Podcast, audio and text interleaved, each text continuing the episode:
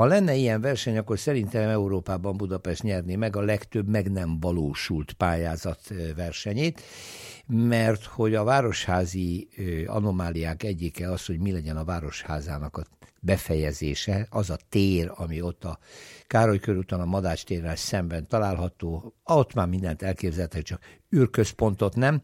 Valamiért ez egy nagyon nehezen kialakítható, nagyon nehezen átalakítható, és a közt számára hasznosítható területnek tűnt mindeddig, de most kérem szépen fellebbent a fátyol, az utolsó pályázat sikeres volt, olyannyira, hogy a lépték terv tájépítés iroda egy olyan pályázatot készített, egy olyan tervet, amivel ez a Városháza program végre befejezhető.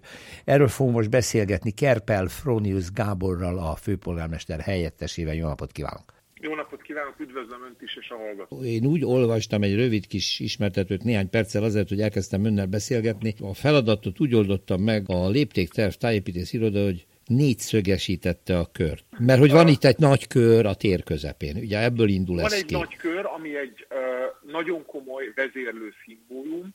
Egyrészt egyébként, hogyha felülnézetből uh, nézzük, akkor is nagyon erős szimbólum, másrészt pedig ezt a sokféleséget, sokféle megközelítést, hogy megközelíthető ez a tér az Asztória irányából, a Deák tér irányából, a Madács tenge irányából, és terveink szerint egy majdan megnyíló városháza alsó szintjének, ahol tervezünk különböző közéleti funkciókat, korlátozott vendéglátó funkciókat, kulturális funkciókat megnyitni, a városházára is rávezet. Uh-huh. És a, a kör, mint szimbólum, az inkluzivitást, a teljességet, a befogadást szimbolizálja ebben a megközelítésben, és valóban van egy négyszögelem is benne, és a kör, kört magában foglaló négyzetnek a négy sarkában helyezkednek el azok a, azok a területek, ahol köztéri funkciók, közéleti funkciók is meg uh-huh. fognak tudni jelenni. Tehát egyrészt a, a, az inkluzivitás, másrészt a nyitottság, harmadrészt pedig szerintem nagyon fontosan a demokrácia, az egyenlőség, és hogyha egésznek a szimbolikáját nézzük, akkor szerintem a méltóságnak a fogalma is nagyon erősen előtérbe kerül, és lehetőséget ad ez a terv arra, hogy egy kicsit hátrafelé fordítsuk a városházát. Ugye ez egy furcsa dolog, hogyha elmegy más nagyvárosokba, akkor a városháza előtt szokás, hogy van egy nagy tér. Igen, itt meg mögötte van. A városságában van egy szűk utca, a Városház utca, tehát igazából semmiféle nyitottságot nem sugároz ez a hajdani uh, invalidus kórház, és ezt a nyitottságot próbáljuk megteremteni a városházat számára is azzal, hogy egy olyan teret, egy olyan parkot képzelünk elé, ami rávezet erre a városházára. De mielőtt félreérti bárki a mondani valómat,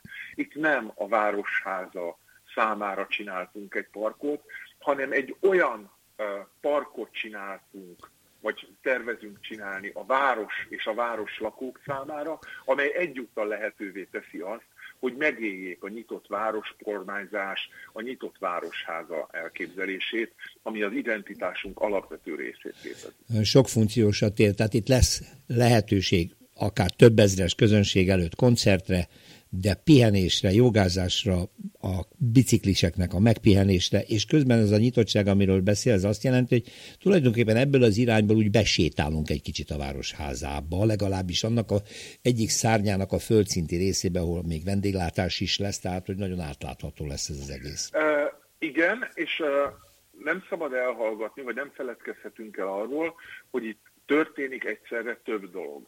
Tehát egyrészt van a városháza hátsó homlokzatának a megújítása, abban a nagyon egyszerű értelemben, hogy az is méltatlan, hogy hogy hullik róla a vakolat. Igen, Tehát, igen. Hogy ez, ennek a megújítása jelenleg zajlik. Most uh, történik a Uh, most fog megtörténni a Merlin épületének is a felújítása, ahol a kulturális közösségi funkciókat tervezünk, tehát arra uh-huh. is mint egy rá fog uh, vezetni ez a park. Uh, Tervezzük azt is, hogy a Városháza alsó szintjére elhelyezzük a Budapest galériát is, ami egy kulturális funkciót hoz be, és zajlik annak a felmérése, hogy azok a dolgok, amik jelenleg a Városháza alsó szintjén vannak, van ott raktár, van ott nyomda, hogy hogyan használhatók ezek a terek, hogyha megnyitjuk a városlakók felé uh-huh. különböző kulturális, közéleti és adott esetben mondom korlátozottan vendéglátó uh-huh. funkciók. Na hát ez, ez egészen fantasztikus lesz, mert ezzel kiteljesedik ez a, ez a tér szemben a Madács térrel, és e, tényleg végre e, megvalósul valami. A kérdés most már a végén, hogy mikor?